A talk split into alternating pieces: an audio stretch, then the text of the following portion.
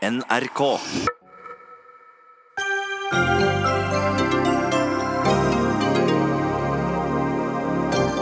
Uten LO taper Arbeiderpartiet valg i Norge, og det skjedde mandag. Hva er det med Arbeiderpartiet som gjorde at arbeidsfolket vendte dem ryggen?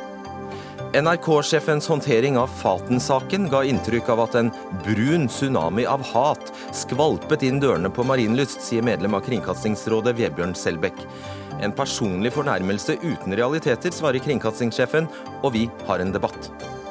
Politiet setter cold case-gruppen på forsvinningssaken fra 1988, da Therese Johannessen ble borte fra Fjell i Drammen.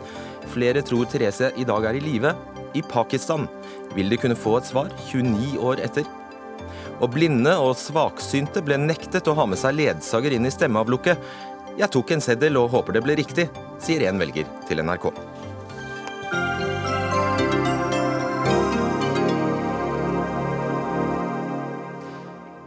God torsdagskveld og vel møtt til Dagsnytt 18. Jeg heter Fredrik Solvang.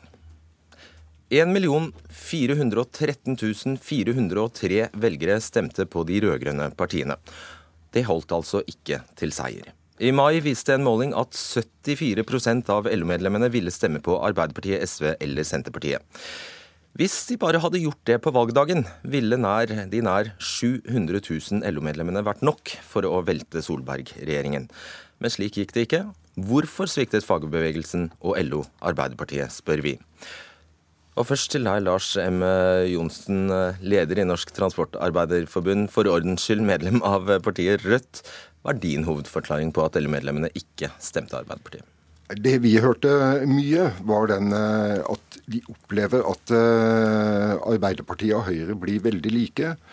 Gjennom stortingsperioden så har det vært veldig mye forlik mellom høyresida og Arbeiderpartiet, som gjør at de har vanskelig for å se, se skillelinjene. Så når de kom ut i valgkampen, så, så var det vanskelig for Arbeiderpartiet å, å komme ut med skikkelige saker som var klare. Så kom da fadesen på, på, sommeren her med utspillet med samarbeid med Venstre og Kristelig Folkeparti og, å sette opp gjerde mot Rødt og Miljøpartiet. Det tror jeg gjorde at veldig mange velgere da satte seg på gjerdet og lurte på hva skjer med vårt gamle parti. Hvorfor det? Nei, altså Venstre anses i fagbevegelsen som det verste partiet, altså mest fagforeningsfiendtlige partiet som finnes på Stortinget. Og, og det overraska og sjokkerte veldig mange av, av medlemmene i, i, LO. Så en, en, ren og skjær blunder. Nå ble jo den invitten ganske bastant avvist av. Trine Skei Grande. Ja, av Trine Skei Grande, men Hans Christian Gabrielsen og LO-lederen var jo veldig raskt ute og sa at det er ikke, det er ikke snakk om. Eh, men da var skaden skjedd, og så folk begynte å lure på, tror jeg, på hva, hva er det egentlig Arbeiderpartiet står for, hva er det de vil nå? Så er det mulig at de hadde en taktikk bak det utspillet som ikke jeg kjenner til, men det var i hvert fall med på å, å parkere veldig mange av LO-medlemmene på sidelinja. Og Dette skjedde altså i sommer, og deretter rullet snøballen? er det sånn? Ja. Og da, Når du først begynner denne nedturen på gallupen, så har du veldig problemer med å snu den igjen. Selv om den bippa litt oppover på slutten, så, så var ikke det nok. Så fikk du da et klart eh, venstredreining, kaller jeg det. altså sånn der, Eh, ingen av regjeringspartiene gikk, gikk fram. De gikk tilbake alle sammen, sammen med Arbeiderpartiet. Og så var det Senterpartiet, Rødt, Miljøpartiet De Grønne og SV som gikk fram. Mm. Erna Hagensen, du er leder i Norsk Arbeidsmannsforbund. Eh, et eh, LO-forbund med drøyt 30 000 medlemmer, bl.a. innen renholdsbransjen. Deler du denne analysen fra Johnsen? Ja, jeg gjør det. Men jeg tror eh, det er summen av flere ting som gikk galt. Eh, jeg tror når du starter valgkampen med å, å si til LOs medlemmer at de får eh, skatteøkning, da tror jeg du har gjort noe dumt. Samtidig da, som Lars er inne på, og når du begynner å lefle med KrF og Venstre Det er ikke mer enn et par år siden Venstres leder Trine Skei Grande gikk ut og sa at hun var kvalm av LO. Så jeg tror ikke det der var noe særlig smart trekk. Men jeg tror det er summen av flere ting. Altså gå ut og si at man får skatteøkning til lavtlønte renholdere. Det er en dårlig strategi. Men, men da må jeg bare spørre deg, fordi det, det, Arbeiderpartiet understreket jo det at de skatteøkningene skulle ikke ramme lavtlønte. Men eh, spørsmålet er om det budskapet gikk hjem. Det eneste du hører, det er når de gjentar skatteøkning. Og de, de, har aldri satt noen klar grense hvem er det som blir ramma. Og så syns jeg det mangla diskusjonen om arbeidslivspolitikk. Den var helt fraværende. Og det er nå sånn at Arbeiderpartiet vil jo være det partiet som har troverdighet når det gjelder arbeidslivsspørsmål. Og det er ingen debatt om sosial dumping og all den skatteunndragelsen som foregår i landet. Skatteunndragelse, der kunne man ha henta inn masse av milliarder kroner hvis man hadde satt det på dagsordenen. Magnus uh, Marshall, du er uh, forfatter og skribent uh, og leder av Nå lurer jeg på om jeg har riktig tittel her. Leder av, av Manifest. Um, har Arbeiderpartiet mistet mobiliseringskraften i LO? Det er litt tidlig å si, men vi merker jo nå at tillitsvalgte rundt i hele landet i mange forbund som er de typene som hver dag står oppe i kampen mot eh, si, bemanningsbyråer, da, eh, eller som undergraver faste ansettelser og, og den norske modellen i arbeidslivet, eller velferdsprofitører som uh, holder på med sitt. At det er mange der som nå føler at titalls millioner kontingentkroner til Arbeiderpartiets valgkamp gir veldig dårlig valuta for pengene. Og Det er naturlig og nødvendig at det blir en debatt om hva som ikke er de, etter en valgkamp der Jonas Gahr Støre først lova folk et retningsvalg innenfor velferd og arbeidsliv, eh, og så stilt med samme politikk som eh, Høyre på et stort spørsmål som velferdsprofitørenes rolle i eldreomsorg og barnehager, eller bemanningsbyråene som undergraver en bærebjelke i den norske modellen, nemlig faste ansettelser. Arbeiderpartiledelsen vil ha kommersielle konserner fortsatt i barnehage og eldreomsorg f.eks., og der, da må man jo merke seg at 61% av befolkninga ikke vil det. Ja, men unnskyld, Jeg må også legge til at det er ille til å si at det er jo omtrent bare partier, det er partiet Rødt som har et ekstremt eh, standpunkt i den saken. Nei, men, der, omtrent men, alene om det. Ja, sammen med SV og, og, Senterpartiet og i stor grad Kristelig Folkeparti så er de skeptiske til de kommersielle konsernene. Og det er bare 27% i en helt ny måling som sto i Glasskampen og innspurten av valgkampen, som er enig med Høyre og Fremskrittspartiet at vi skal ha privat profitt på eldreomsorg og barnehager. Og da må det være tankekors for eh, LO at Arbeiderpartiledelsen befinner seg i de 27% når marsjordren fra LO-kongressen var at vi skal få bort de kommersielle sugerørene. Så det er noe med at uh, Når Arbeiderpartiet snakker om at vi ikke har fått fram forskjellen på våre standpunkter og Høyres sine, så handler det også om evnen til å innta andre standpunkter enn Høyres sine. Så lurer jeg på én ting, for jeg regner med at du deler oppfatningen av hvordan kronologien var her med, med Johansen i hoved, eh, hovedtrekk. Jeg skal gi deg et stikkord brygge. Ja, altså det er klart at eh, det var noe som ligna for drittpakka her, og det tror jeg kanskje folk ser gjennom. Men når det viser seg at lederen for Arbeiderpartiet har investert i et byggeprosjekt i hovedstaden der det foregår mye sosial dumping og sånn, samtidig som man eh, snakker seg opp om kamp mot sosial dumping, så ble det jo etter hvert en farse som altså Selv ikke den mest ondsinna marxist-leninistiske revyforfatter ville ha funnet på et revynummer der den såkalte lederen av Arbeiderpartiet var en sleip investor som drev med sosial dumping og bare solgte seg ut når han ble pressa på det, og som sa til sitt eget parti at herre har dere ingenting med å gjøre, osv. Så, videre. så det, var, det må jo gjøre vondt i magen på Arbeiderpartiet sine folk rundt i landet, også LO som tillitsvalgte, at man bruker så mye penger på en sånn valgkamp og håper på resultater og sånn, og så fomles det bort på en sånn måte. Og jeg tror det her må ha å gjøre med at øh, deler av Arbeiderpartiledelsen, eller kanskje hele, sitter fast i en litt utdatert forestilling om at dette med høyre-venstre-aksen, arbeid, kapital, rik og fattig, det er ikke så viktig lenger. Men man ser nå at hvis man tenker at det ikke er viktig lenger, da blir det vanskelig å drive Arbeiderparti-valgkamp. Ble det da vanskelig, Erna Hagensen, å gå ut i den uh, valgkampen med rak uh, rygg og nettopp øh, snakke om et ryddig og, og ordentlig arbeidsliv? Eh, jeg tror det som mangla eh, fra Arbeiderpartiet sin valgkamp, det var nettopp å få fram eh, hvordan arbeidshverdagen til arbeidsfolk er. Altså det store innslaget mot sosial dumping og, og skatteunndragelser. Jeg tror mange av våre medlemmer de, de savna det, fordi jobben deres er trua hver eneste dag mot bedrifter som eh, driver med kriminell virksomhet. Og Her har Arbeiderpartiet vært helt fraværende i den eh, diskusjonen. Og Så får du alle de andre sakene, som f.eks. nedleggelse på Andøya, Bardufoss, distriktspolitikk. Våre medlemmer bor i hele dette landet, og de føler seg da ikke ivaretatt med den eh, valgkampen Arbeiderpartiet har ført i år. Lars M. Johnsen, hvordan skiller denne valgkampen seg, drevet av LO hovedsakelig for Arbeiderpartiet, må vel være riktig å si det, fra tidligere valgkamper? LO har jo blitt eh, holdt jeg på å si, mye mer eh, Eller flere grupperinger inni. sånn at det er jo ikke sånn at du får en marsjordre, og så går du. Eh, innenfor Transportarbeiderforbundet så er vi et partipolitisk nøytralt forbund. Men vi har, har, da et vedtak på å si at vi støtta en rød-grønn regjering. Altså vi ville bli kvitt Erna og, og Siv. Eh, men vi er ikke noe maskineri for Arbeiderpartiet, sånn som det har vært tidligere. Og Det tror jeg òg merkes i, i systemet. Jeg, det er en altså, forskjell? Ja. og Når Erna tar opp det der med sosial dumping, så har jo det vært en av de sakene som har vært viktigst for våre folk. Altså De presses over hele linja. Eh, de har I bussektoren så er det anbudspolitikk som gjør at de er utrygge. Du har renovasjonssektoren, se den skandalen som var i Oslo. Dette er jo en del av den fellespolitikken til Høyre og Arbeiderpartiet. At sånn skal det være. Og når ikke Arbeiderpartiet rydder opp i det, så får de et problem. Når de ikke kan gå ut i valgkampen og si at vi er imot jernbanedirektiv 4, og ta en fight for å beholde jernbanen på norske hender uten anbud, så taper de.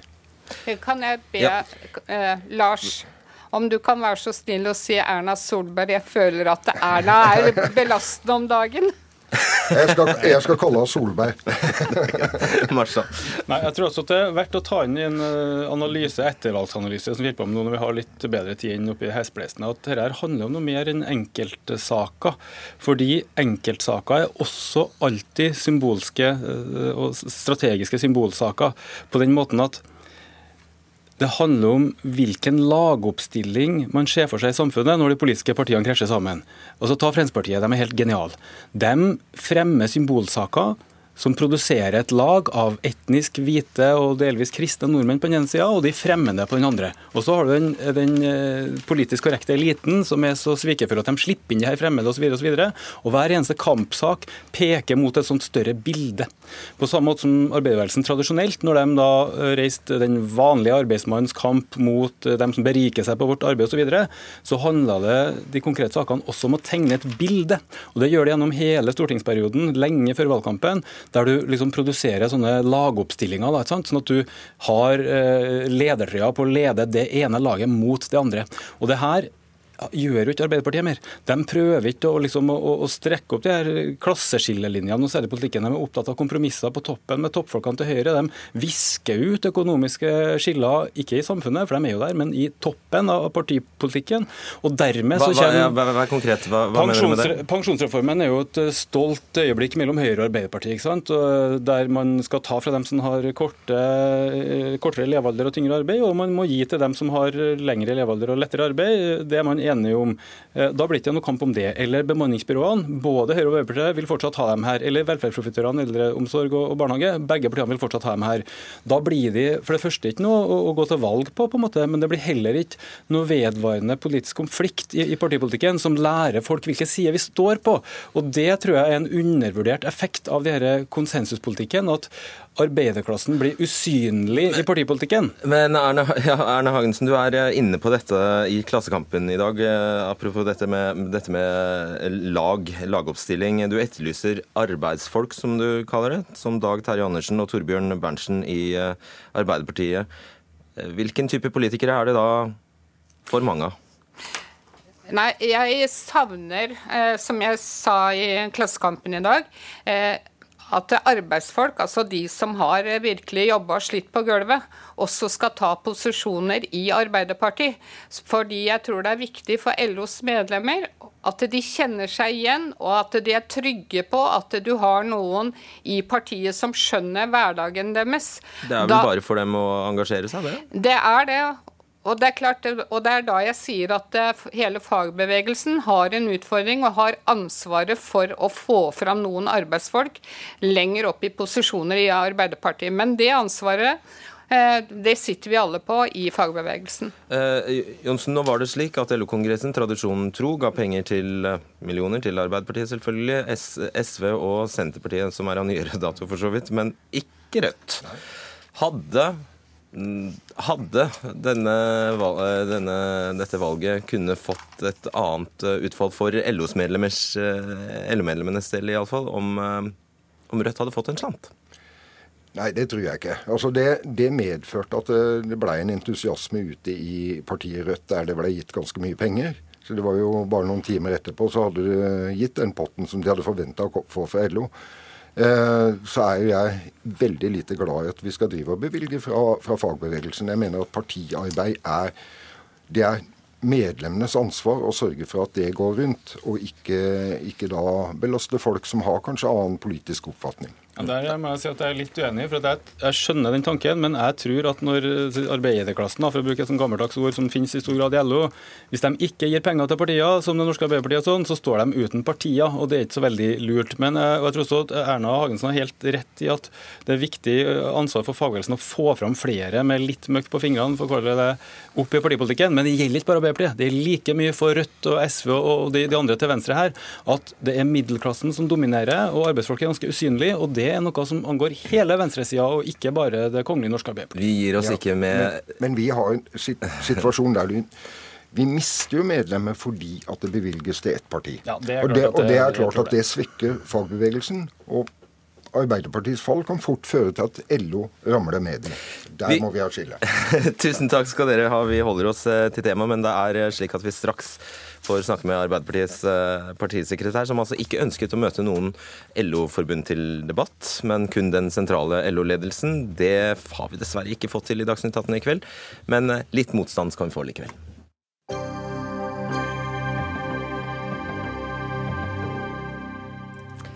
Arbeiderpartiet gikk altså på sitt dårligste valg som opposisjonsparti på 90 år. Og analysene av det historisk dårlige valget er i gang også internt i partiet.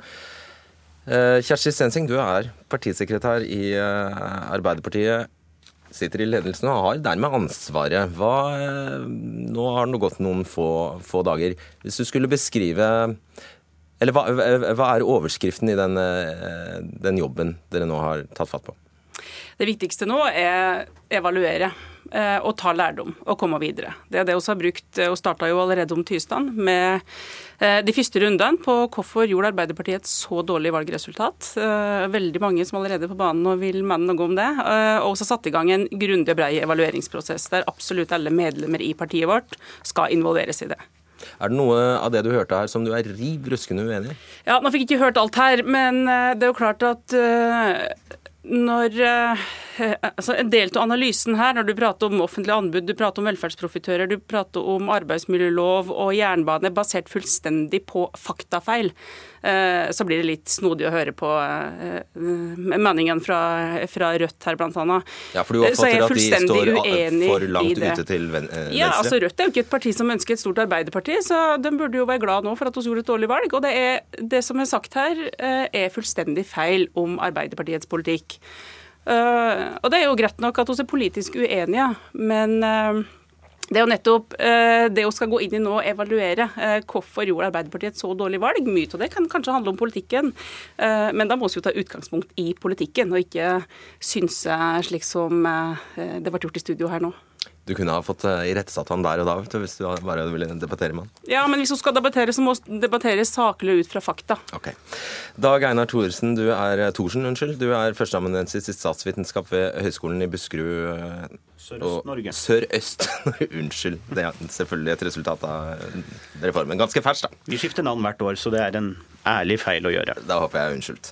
Eh, du mener, eh, du mener det var lite entusiasme, lite, eller laber, laber, entusiasme rundt omkring på arbeidsplassene denne eh, gangen blant LO-medlemmer? Ja, ikke bare på arbeidsplassene, men også ute i valgkampen. Jeg var selv valgkampfrivillig for Arbeiderpartiet, og det jeg merket meg, var jo at det var stadig velgere som kom bort til meg og sa ja, vi liker Arbeiderpartiet, eh, og vi har stemt på dere før, eh, ikke denne gangen. Og så sa de noe som var kanskje enda merkeligere. De sa vi kommer gjerne tilbake igjen. Altså, det var et eller annet som hadde ført eh, noen av kjernevelgerne til Arbeiderpartiet ut i et eller annet um, merkelig landskap hvor de, hvor de, rett og slett ikke lenger hadde lyst til å stemme på Arbeiderpartiet. Og som den vitebegjærlige akademiker du er, så spurte du sikkert hva det var? Ja, jeg gjorde det. Og eh, det, det spriket nok i, i litt andre, alle retninger. Men uh, det var nok først og fremst en følelse av at Arbeiderpartiet hadde blitt utydelig Eh, på en del saker, og at man ikke helt skjønte hvorfor Arbeiderpartiet eh, ville sitte i regjering, og hvorfor Arbeiderpartiet eh, ønsket, ønsket en, å, å bytte ut den nåværende regjeringen med noe annet. Det er en gjenganger, Snedseng. Jeg er nysgjerrig på om, om, du og de andre i ledelsen forstår hva dette, denne utydelige når, når, det, når den beskyldningen kommer at Arbeiderpartiet er utydelige. Skjønner dere hva det innebærer? Ja, det er jo det vi skal prøve å få svar på nå. Men det er klart at når vi ser et så dårlig valg, så har jo ikke politikken vår øh, og vår ambisjon om hvordan vi vil gjøre de neste fire åra, hvorfor det var viktig å bytte ut regjeringa, den har jo ikke nådd fram til velgerne. Og den har jo ikke øh, overbevist om at det er viktig å gå ut og stemme på Arbeiderpartiet. Så det, det er jo en erkjennelse fra vår side at det må jo være en av årsakene til at vi gjorde et så dårlig valg, øh, at vårt politiske prosjekt ikke har nådd fram. Og det er vårt ansvar og ingen andre sitt. Og nå hørte du De foregående her mente at den utydeligheten ikke bare handlet om eh, språkdrakt og eh, eh, retorikk og formuleringer, men også de politiske realitetene at Arbeiderpartiet er for like Høyre. Ja, altså De sakene som har vært drevet fram her som eksempler, det var feil veldig mye til det som var sagt. Blant annet har sagt tydelig nei til konkurranseutsetting til jernbane. En veldig tydelig endring i arbeidsmiljøloven, så i motsetning til Høyre. Så, og også har sagt at vi må eh, innføre tiltak for å begrense eh, kommersielle aktørers muligheter til å ta ut utbytte. Eh, og så er det jo en uenighet om politikk. Men hvis du ser Arbeiderpartiets program nå, som ble vedtatt på landsmøtet, så er det en ganske tydelig både ideologisk forskjell og en fakt, altså reell politisk forskjell til Høyre sitt program. Og så har vi jo da mest sannsynlig ikke vært flinke nok til å få det ut, få sagt det til velgerne. For da hadde Arbeiderpartiet fått et annet valgresultat enn, enn det vi fikk. Og det tror jeg blir en viktig del av evalueringa. Nå skal absolutt alle få muligheten til å si sitt. Hun skal sende ut evaluering til 55 000 medlemmer. Eh, og så skal hun ikke konkludere, og sentralstyret skal ikke konkludere før vi har det på bordet. Vi holder oss litt til eh, temaet LO. Eh, for uh, Thorsen, LO lagde jo en sykelønnskalkulator sånn midtveis i valgkampen her, der resultatet ble at ja, du som LO-medlem bør frykte, at, frykte, de borgerlige partiene fordi de kan finne på å kutte i sykelønna. Hva syns du om det? Søndag?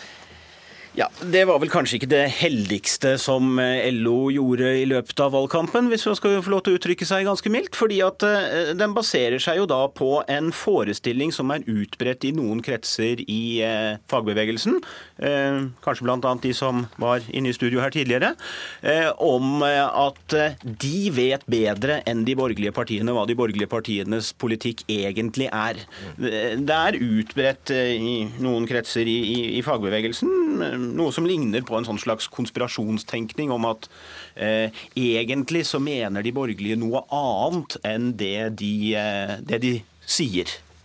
Um, Men akkurat det er vel en gjenganger i den politiske debatten, og det har også sett mye av i valgkampen, at uh, andre partier tillegger et parti på andre sida meninger og holdninger og synspunkter som du ikke har. Så det er ikke så veldig oppsiktsvekkende. Men da er vel, da er vel ikke akkurat brønnen full av andre av andre utspill?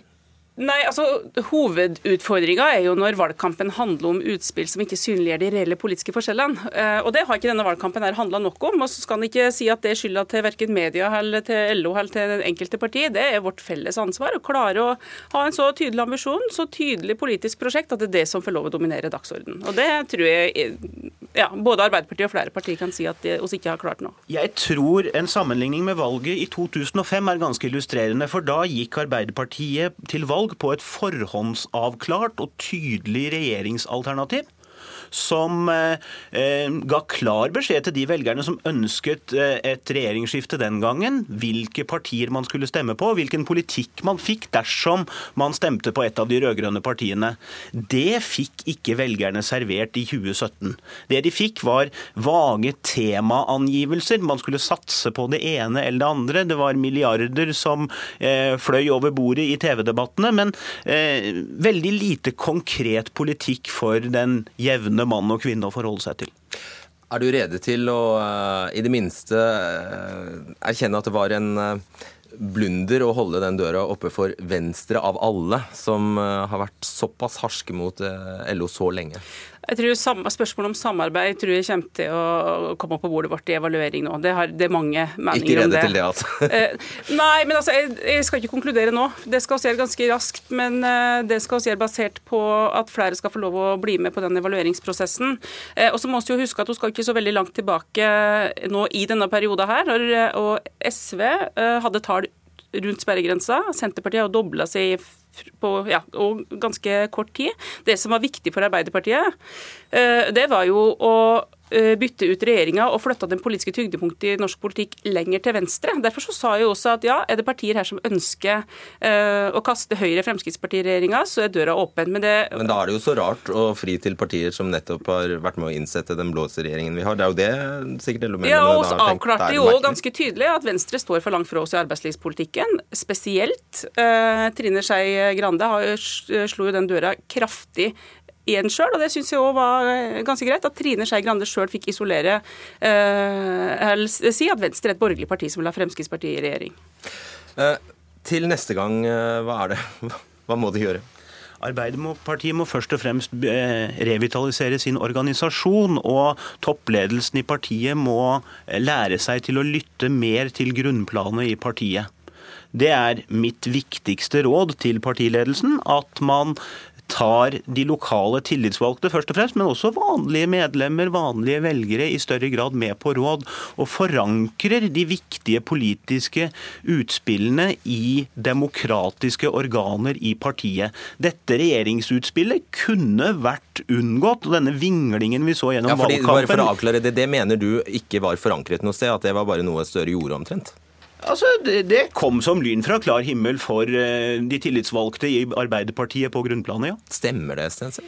Altså, alt oss har gjort på både strategi, politiske hovedsaker, samarbeidsspørsmål, har vært grundig forankra i Eh, i vårt parti. Altså Det er sentralstyret i Arbeiderpartiet som har vedtatt uh, vår strategi, og det er òg landsstyret. Men ikke langt nok ned, kanskje? Altså, uh, alle enkelte vurderinger uh, og beslutninger blir jo ikke forankra blant alle medlemmer, men det er en solid forankring ut i partiorganisasjonen gjennom de formelle organene hos har. Igjen er, igjen er kontrasten til 2005 slående, da den rød-grønne regjeringen ble klart og tydelig vedtatt på landsmøtet. Men, men jeg, altså jeg tar det på største alvor, det som blir sagt her om å lytte til grasrota. For er det en ting som er viktig, så er det nettopp det. Jeg har tilbrakt eh, stort sett de siste to åra ute i norske kommuner, eh, blant våre lokale tillitsverdige, og òg hele valgkampen. Eh, ikke minst det å bruke lokalmakta vår, alle ordførerne våre, til å klare å, å reise oss og vinne valg. Så det skal gjøre i enda større grad. Men du kan ikke, du kan ikke påstå okay. at det ikke har vært forankring ute i partiet. I den forbindelse Ja, greit. ja. Tusen takk skal dere ha, Dag Einar Thorsen og Kjerstin Stenseng. Dagsnytt 18 alle hverdager kl 18.00 på NRK P2 og NRK2.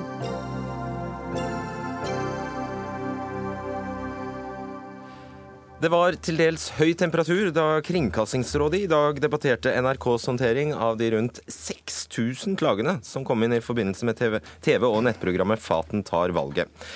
I løpet av eh, valgkampen skulle 22 år gamle Faten Madi al-Hussaini komme fram til partiet som skulle få hennes stemme. NRK fikk kritikk for sin måte å omtale klagene som kom, fordi programleder Faten gikk med hijab under serien. Og før vi setter i gang nå, skal jeg for ordens skyld opplyse om at eh, jeg hadde en rolle i denne serien som nøytral politisk journalist som fortalte Faten hva partiene står for. Og vi skal altså ikke debattere selve serien, men håndteringen av klagene våre, så det er eh, er sagt. Vebjørn Selbekk, sjefredaktør i avisen Dagen og medlem av Kringkastingsrådet. Du gikk hardt ut mot kringkastingssjefen på møtet i dag. Hva sa du? Nei, jeg sa vel at uh, uh, en kringkastingssjef har både rett uh, og også plikt til å delta i den offentlige debatten når journalistikken til NRK blir diskutert. Og han har også plikt til å forsvare en ung eh, programleder som blir utsatt for eh, sjikane og også trusler. So far, so good. So far, so good. Men eh, spesielt da, når, når, det er noen som bruker et uakseptabelt språk, så er det viktig å ikke eh, beskylde det store flertallet av klagerne eh, for å Eh, fremme uakseptable eller hatefulle ytringer. Når, når har han gjort det? Ja, men det har han, har, det har han gjort en rekke ganger. Og jeg mener at det etterlatte inntrykket Jeg tror ikke at kringkastingssjefen har ment det, men det etterlatte inntrykket i norsk offentlighet, eh, eller omtalen av klagestormen til Kringkastingsrådet, er at NRK og kringkastingssjefen eh, mener at dette her er en, eh, veldig mange hatefulle eh, ytringer. Eh, og Det har jeg med meg flere eksempler på. Eh, ting eh, som er, er sagt. Og det, vi ser om det... vi trenger de eksemplene etter hvert. Skal bare få. Ja. Ja. Svaret fra Tor Gjermund Eriksen, kringkastingssjef i NRK, er? Men jeg tror vi må spole litt tilbake og huske den situasjonen som var, og minne om saks, eller utviklingen i saken. Eh, det er riktig, vi fikk eh, mellom 5 og 6000, eller Kringkastingsrådet fikk mellom 5000 og 6000 klager. De kommenterte jeg aldri. Det var den generelle Eh, debatten. Vi fikk også en masse SMS-er, en mange reaksjoner til publikumsservice. Faten fikk personlige eh, meldinger. Jeg fikk det. Det ble skrevet ting på blogger og i kommentarfelt. Og det klimaet som oppsto da, gjør at det dessverre er sånn at særlig unge kvinner med flerkulturell bakgrunn vegrer seg for å framstå i offentligheten. Det bekymrer meg i stor grad. Jeg har aldri eh, ment eller eller sagt at dette gjelder alle de som klager. Og så må ja, jeg legge til en liten ting. Vi må huske på at Det som også har skjedd i dag, da, som jeg tror vi er enige om, det er at rådet har diskutert programmet. Husk på at 97 program, eh, prosent av disse klagene kom inn før programmet var sendt. Og eh, Jeg merker meg at rådet i dag ikke er i tvil om at dette var et program som det er riktig å sende, riktig å produsere, og som er en del av NRKs oppdrag. Så Sånn sett så har vi fått medhold og forståelse og støtte i det som er det aller viktigste i okay. denne saken. Jeg tror for debattens del at vi trenger noen av de konkrete eksemplene ja, du har på at kringkastingssjefen har gitt dette etterlatte inntrykket. For Hvis ikke så skjønner vi ikke noe her. Ikke sant? Bare da et medium som du sjøl er ansvarlig redaktør for, eh, Tor Gjermund Eriksen, nrk.no, 21.8 i år. Der står det eh, det spesielle med Faten tar valget er at programmet ennå ikke har vært vist. Likevel har Kringkastingsrådet mottatt flere tusen klager. Kringkastingssjefen reagerer på tonen i flere av klagene som han beskriver som hatefull og fordomsfull. Aftenposten 23.8. Det er direkte sitat fra deg. Jeg ser at det er sterke og mørke krefter som ønsker at muslimsk ungdom ikke skal være synlig. Og da i direkte eh, tilknytning til da, eh, en artikkel som handler om klagene til Kringkastingsrådet.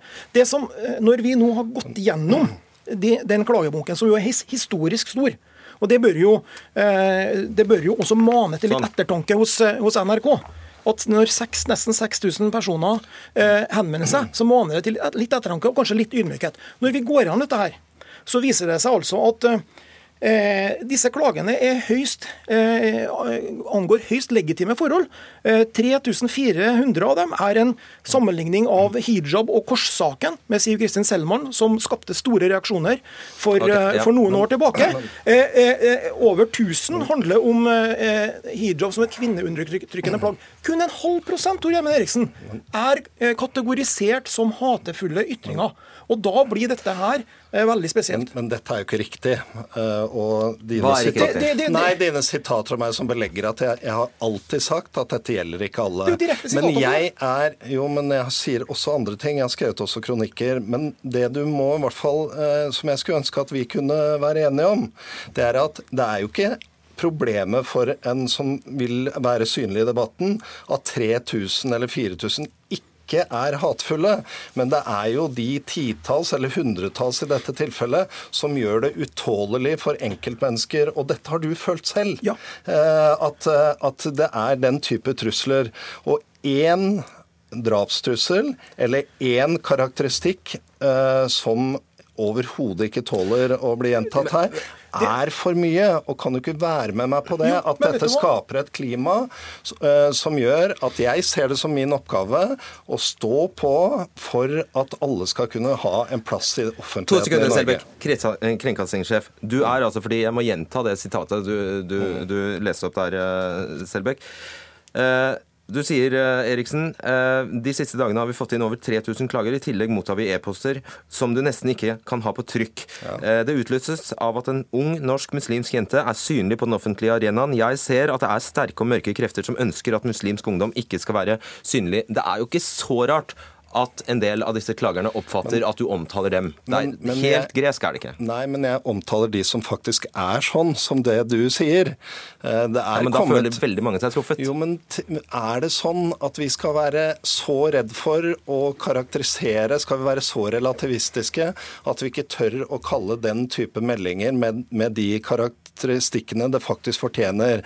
Dette, dette er uakseptabelt. Jeg er utrolig bekymra for at at eh, kvinner som Faten, særlig unge kvinner med flerkulturell bakgrunn, ikke skal uh, få lov til å delta i samfunnsdebatten. Det mener jeg det er NRK og min eh, som kringkastingssjef sin oppgave å beskytte. Og der trodde jeg vi var enige. og jeg har ikke karakterisert de andre. Jo, men han får lov å se det nå. Altså, dette, dette vet du, Tor Gjermund, at vi er helt Men det virker som du er mer bekymra for dem enn nei, for debattklimaet. Men du, jeg mener at når det spesielt når det er snakk om noen, ganske få av det store materialet, uakseptable ytringer og trusler som skal politianmeldes. Nettopp da Det er blitt gjort. Ja, og det syns jeg er bra. Men vet du hva, Selbekk. Nettopp da er det viktig at man, ikke, at man er nøye med og ikke eh, gjør sånn at det store flertallet, som har helt legitime klager, føler seg truffet. Men kan ikke, du bare, Selbekk, kan ikke du bare eh, akseptere når kringkastingssjefen sier det var ikke det han mente? Kan du ikke bare la, legge den ballen død? da? Du jo, fortsetter og fortsetter og fortsetter. Ja, men jeg syns også at kringkastingssjefen fortsetter og fortsetter. og fortsetter. I stedet for bare å si det. At OK, dette var ikke eh, min hensikt. Og ja, jeg ser kanskje eh, at mange oppfatter det sånn. Dette ønska vi ikke. Men, okay. Men det var ikke min hensikt, og jeg har heller ikke sagt det. Og du sier jo til og med her, og det er jeg veldig glad for, at du sier at du tror ikke jeg engang mente det. Nei. Men det er ganske krevende å eh, og, altså Jeg er nødt til å gå inn i de eh, klagene og de meldingene vi får. Og når vi bruker reaksjoner eller uttrykker klager, så gjelder det ikke bare det som kommer til eh, Kringkastingsrådet. Og Vi må også forvente at folk formulerer seg litt annerledes når det kommer en klage til Kringkastingsrådet, enn når man sender inn eh, anonyme meldinger. Jeg ønsker en åpen debatt om dette, og da skal vi også tørre å si hva vi står overfor. Veldig kort. Ja, men altså, Dette er eh, mennesker som eh, betaler for NRKs tjenester. Og jeg, Da etterlyser jeg også en litt større ydmykhet når rekordmange har klaga til NRK på et produkt de betaler okay. for. Jeg skal, eh, avslutningsvis, bare sånn at vi, vi, vi skal forstå noe av arten her, så skal jeg bare lese en av eh, klagene, rett og slett. Og så sier vi det er ferdig med debatten nå, men jeg skal bare lese den. Jeg blir kvalm av NRKs landsforræderi når dere stapper et lakenhode inn i TV-skjermen min etter at dere nekter bruk av kors på nyhetene. Jeg blir frastjålet lisenspenger to ganger i året for å finansiere det nazistpartiet gjorde i Norge på 40-tallet. Jævla Quisling-kanal. Ja, et eksempel. Ja, men det er helt uakseptabelt. Men det er bitte lite ja, det er alle enige om. Bitte lite mindretall. Men, men jeg og Vebjørn Selbekk er også enige om følgende. Jeg setter pris på reaksjoner fra publikum, og vi skal ta de på alvor. Men vi må også tørre å si fra når det ikke er akseptabelt. Takk skal dere ha, begge to. Tor Gjermund Eriksen og Vebjørn Selbekk.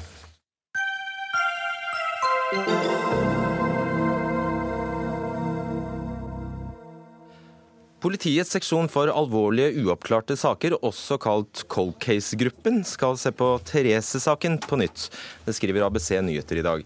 Det var i juli 1988 at ni år gamle Therese Johannessen forsvant fra Fjell i Drammen. Ti år senere ble svenske Thomas Quick dømt for å ha drept Therese, men tiltalen frafalt i 2011. I dag behandler politiet saken som en forsvinning, og saken skal nå vurderes på nytt av Kripos' spesialister på gamle saker.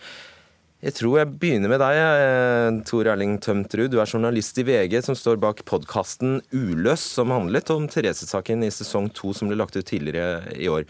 Kan du bare Kort fortelle oss, hva skjedde den 3. juli 1988? Det var en søndag. Det var fellesferie. Men det var regnvær hele dagen, så veldig mange var også inne.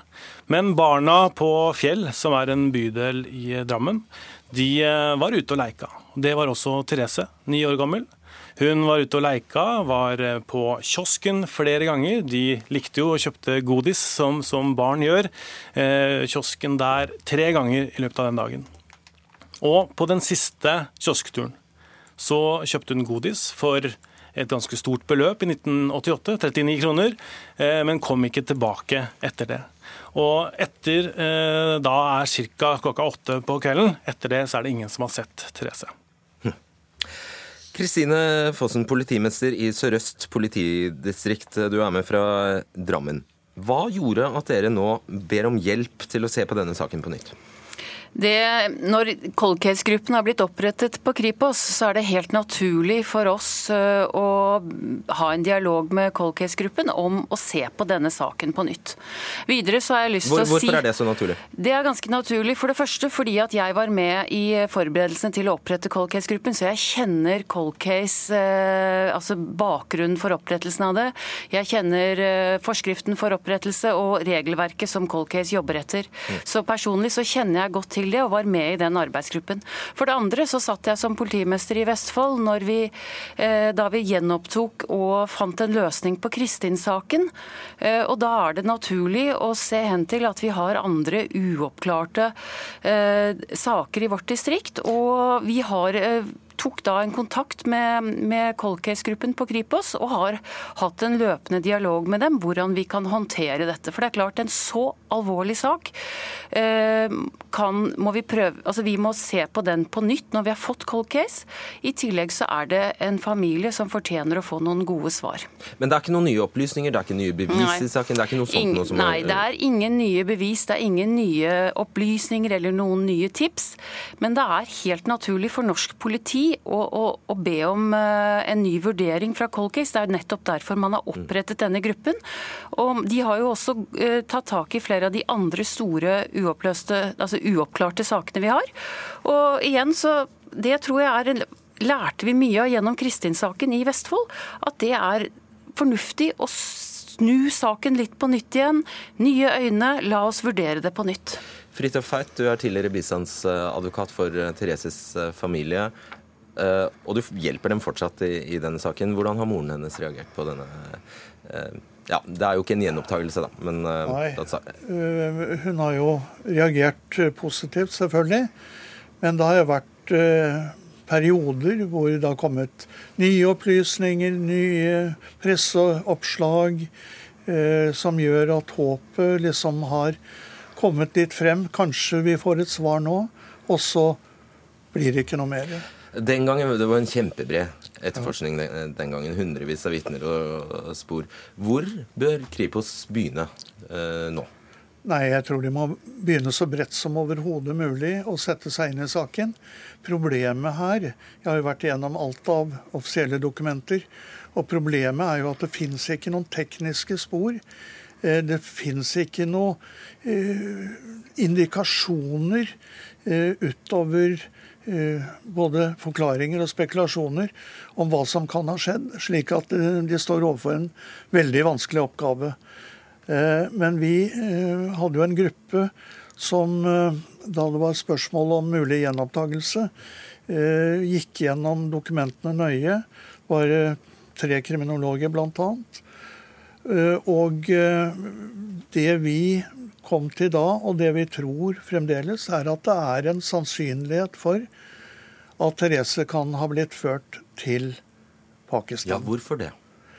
Ja, det er en eh, lengre historie. Og, Jeg tror vi må ta kortversjonen.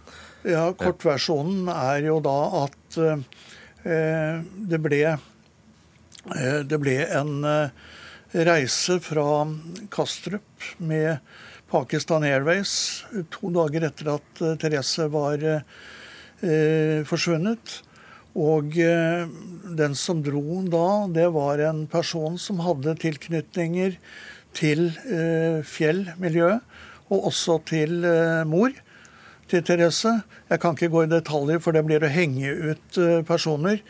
Men det ble iallfall reist der plutselig til Pakistan. Og det var da en kvinne og en liten jente som ikke er identifisert. Mm. I tillegg til dette Pakistan-sporet, Erling Tømt Rude, hvilke andre mm, teorier fins? Det finnes jo en rekke teorier. Altså det, det, går på uh, at hun har gått seg vill i skogen, eller at hun har blitt påkjørt. At det har vært en pedoring som har bortført henne og, og, og misbrukt henne. Uh, og så har du dette Pakistan-sporet. ikke sant? Fordi det som er sikkert, da, er at det er spor som ikke er lukka. F.eks. dette med Pakistan-sporet. Man vet ikke at hun ikke er i Pakistan. Man vet ikke helt hvem som har dratt med disse flyene som, som gikk fra København til, til um, Islamabad på den tiden. Fordi i 1988 så hadde man ikke så god oversikt. Så det, det er nok noe å ta tak i her. Kristine Fossen, hvilke nye metoder har politiet og dere i dag som man ikke hadde på 80-90-tallet? Nei, jeg, tror, jeg skal ikke begi meg inn på å forklare hva slags nye metoder, men at Cold Case og Kripos og politiet generelt i dag har andre tekniske metoder. Vi har andre analyseverktøy som gjør at vi kan vurdere saken og de innhentede bevisene på nytt. Det er jeg ganske sikker på at de kan gjøre. og Det var jo det som også ga oss Det var jo nye DNA-analyser som ga oss svaret tidligere i Kristin-saken, som gjorde at vi har fått en fellende dom der. Så det er, det er er mye å se på på nytt. og Jeg tror det er viktig at vi nå eh, lar Colcase få lov til å gå gjennom saken og gjøre sine vurderinger. og Så får vi se hva slags konklusjoner de trekker. Avslutnings... Men, ja. ja. Ja, men Du hadde et men. Vil du bare avslutte? Nei, jeg, jeg tror, og det, jeg, jeg, bare skulle si at jeg ønsker heller ikke å begi meg inn på spekulasjoner eller den ene eller andre retningen. For jeg tror det er nettopp dette som er poenget til, eh, til Cold Case-gruppen. Er jo med den sammensetningen de har av kompetanse, å vurdere dette på nytt og se om det er noe som de ser, eller analyseverktøyene kan gi oss i dag noen andre svar enn det vi fant den gangen. Eh, Helt til slutt, og veldig kort, eh, Fridtjof Fay Therese-saken ble jo veldig ekstra spesiell, fordi eh, svenske Thomas Quick tilsto drapet på Therese, og i 2011 ble den tiltalen eh, frafalt. Gjorde politiet en feil da Quicks historie ble trodd? Ja, en gedigen feil. Det var grove feil ved etterforskningen. Det virker på meg, når jeg ser på det i ettertid, slik at norsk politi var glad for å få saken over til Sverige og få en tilståelse. Å, nå har vi løst saken. Men det hadde de aldeles ikke. Eh, det som er eh, bra da med at eh, politiet nå gir Cold Case muligheten til å se på det, er at hvis Cold Case finner noe, så er det bra. Hvis ikke de finner noe, så kan Drammen-politiet si at ok, da har vi i hvert fall prøvd det, og trenger ikke jobbe med dette videre. Ikke sant. Det siste, det siste, tror jeg er ganske viktig, at vi er ute alle etter å få et svar, og så nå lar vi noen andre se på det. Takk, Kristine Fossen, Fridtjof Feit og Tor Erling Tønterud. Hør Dagsnytt 18 når du vil. Radio NRK Radio.nrk.no.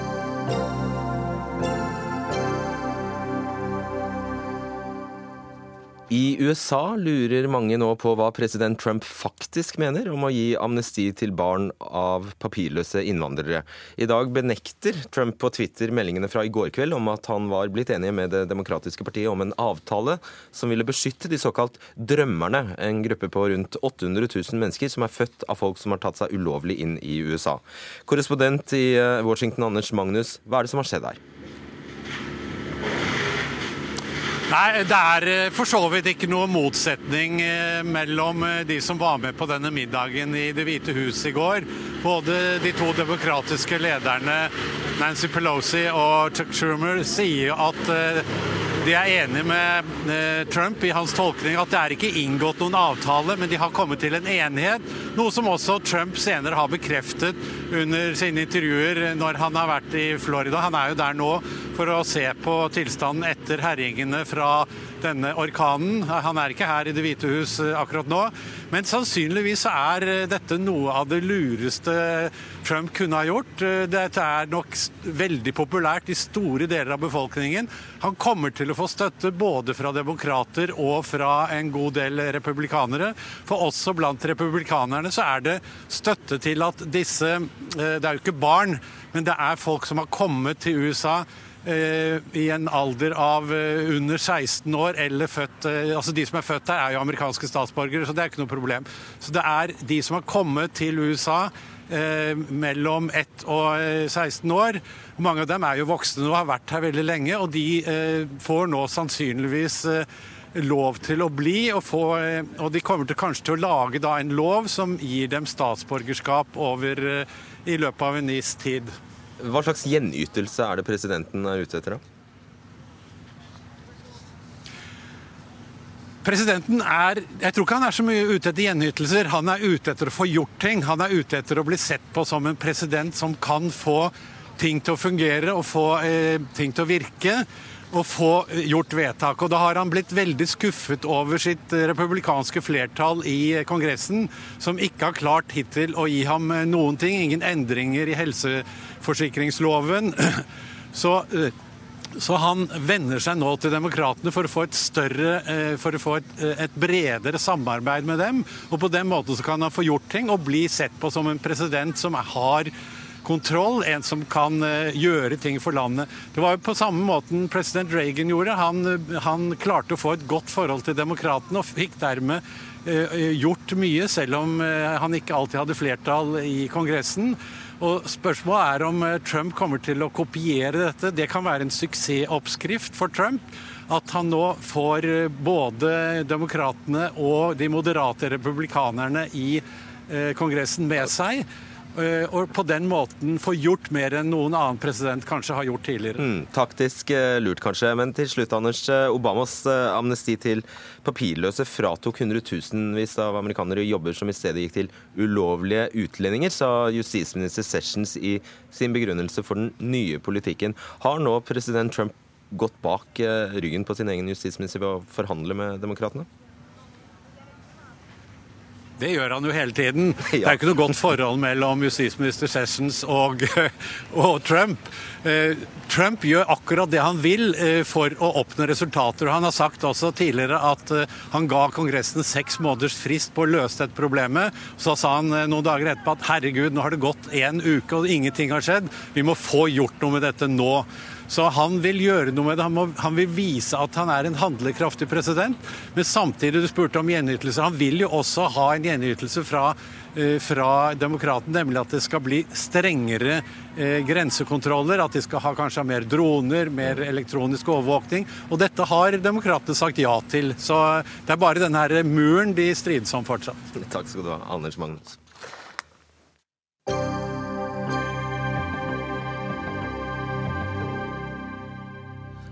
Flere blinde og svaksynte skal ha blitt nektet å ha med seg ledsager inn i valgavlukket for å stemme ved stortingsvalget. For noen blinde er dette så stressende og ubehagelig at de sier de ikke vil stemme igjen ved neste valg. Og Denne uka kunne NRK fortelle om en svaksynt som ikke fikk ha med seg kona inn i avlukket for å hjelpe til med å ta riktig stemmeseddel. Det var pinlig og sjokkerende. Jeg følte meg som en terrorist, sier velgeren, og avslo tilbudet om hjelp fra en valgfunksjonær. Jeg tok en seddel og håper det ble riktig, sa velgeren til NRK. Og valgloven er klar. Blinde og svaksynte skal kunne peke ut sine egne hjelpere til å være med inn i avlukket, og i tillegg skal en valgfunksjonær være med. Arnt Holte, du er generalsekretær i Norges Blindeforbund. Dette er én historie. Har dere hørt om mange lignende?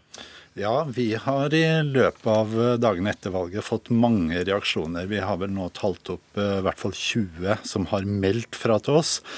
Og så regner vi med at det er et stort eh, mørketall. Så kan man si at dette er bare 20 mennesker, eller kanskje noen flere. Men for meg så er det et uh, spørsmål om kvaliteten på demokratiet vårt. fordi at hvis vi ikke lar de sårbare gruppene få mulighet til å stemme, så er det et kvalitetsstempel, eller et manglende kvalitetsstempel på demokratiet vårt. Og vi har jo også en FN-konvensjon som slår fast at dette er riktig. Mm. Ok, Hva tror du har skjedd? Nei, Det som har eh, skjedd her, er jo at uh, man, har uh, tolka loven feil i, Valgdirektoratet.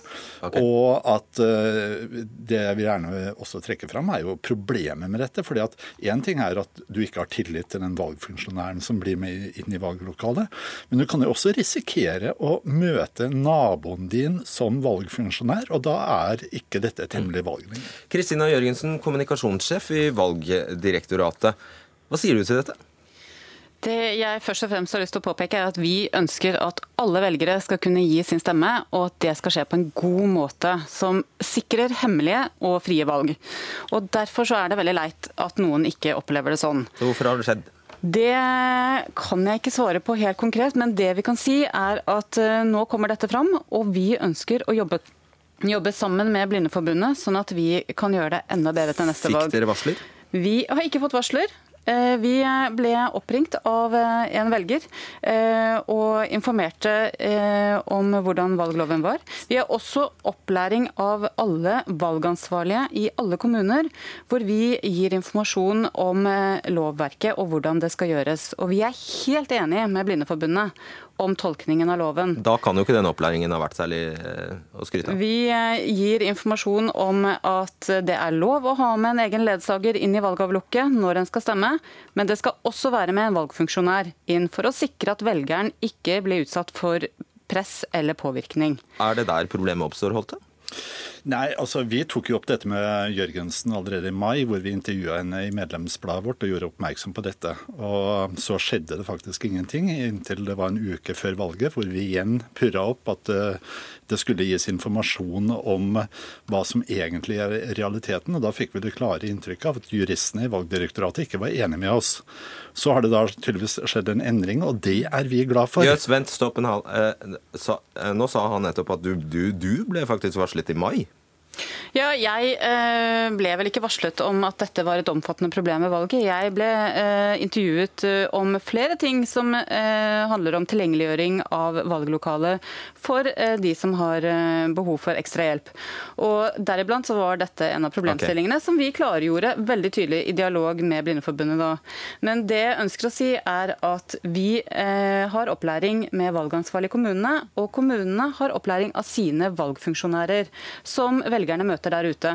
Og På valgdagen er det 30 000 dyktige valgmedarbeidere i sving. Ja. Og de får også informasjon om hvordan dette skal da, gjøres. Da må jeg bare få lov til å si at vi på en av våre kommentarer på Facebook-sida vår da vi offentliggjorde dette, fikk et innspill og en kommentar fra en valgfunksjonær som riktignok sa at opplæringen var god, og at hun var helt sikker på at eh, hun hadde tolka det riktig når hun hadde nekta å ta med en eh, tillitsperson inn i stemmelokalet for blinde og svaksynte. Hvordan forklarer du det, Jørgensen? Jeg kan ikke eh, svare for hva valgfunksjonærene ja, i kommunen sier. Men er det bare tilfeldig, tror du? Eh, jeg er veldig takknemlig for at, valg, at Blindeforbundet nå forsøker å kartlegge omfanget. Sånn at vi kan tilfeldig? få se hvordan dette er. Vi har bare fått inn én klage til departementet i år. Uh, vi har ikke hørt om andre, uh, annet enn det Blindeforbundet nå refererer til. Så vi vil veldig gjerne jobbe sammen med Blindeforbundet nå videre for å sørge for at vi blir langt bedre på informasjonen og tydeligere på informasjonen, og at den når alle ved neste valg. Holte, det, det kom jo opp informasjon, det har ligget informasjon på valg.no om dette? Ja, på valgdagen så laga vi et utkast eh, til tekst for Valgdirektoratet som de tok inn på sidene sine, eh, sidene sine sånn utpå ettermiddagen på valgdagen. Men poenget her, programleder, er jo at én er én for mange. For her snakker vi om en grunnleggende rettighet, og dette problemet tok vi faktisk opp med departementet allerede i 2015. Jeg er klar over at Valgdirektoratet ikke var var eh, oppretta på det tidspunktet. Men for oss så har vi underretta og varsla myndighetene hele veien. Ok, Du får 20 sekunder til å forklare Kristina Jørgensen, hvordan det har seg at denne informasjonen først havnet på nettsidene samme dag som valget avholdt, ble avholdt. Vi har hatt informasjon på nettsidene våre, vi har hatt informasjon i alle kanalene våre om, eh, om eh, dette, men ikke så tydelig som Blindeforbundet ønsket at vi skulle ha. De bidro med dette og informerte oss om at eh, de ønsket en bedre tekst på nettsidene eh, fredagen før valget. Ok, Vi må sette strek der, men tusen takk skal dere ha, Arnt Holte og Kristina Ja, vet du hva, det er én ting jeg lurer sånn på. Hvor mange gjelder dette, Holte? Veldig kort. Ja, vi, altså Det finnes jo 180 000 mennesker i Norge som har synshemning. Mm. Og hvor mange som kvier seg for å gå i valglokalet i, i frykt for å møte naboen og få hjelp av naboen, det vet jeg ikke. ikke. Ok, Takk skal du ha. Det var bare det tallet jeg lurte på. Takk, Fredrik Lauritzen, Lisbeth Seldreite og Fredrik Solvang takker for seg. Riktig god kveld.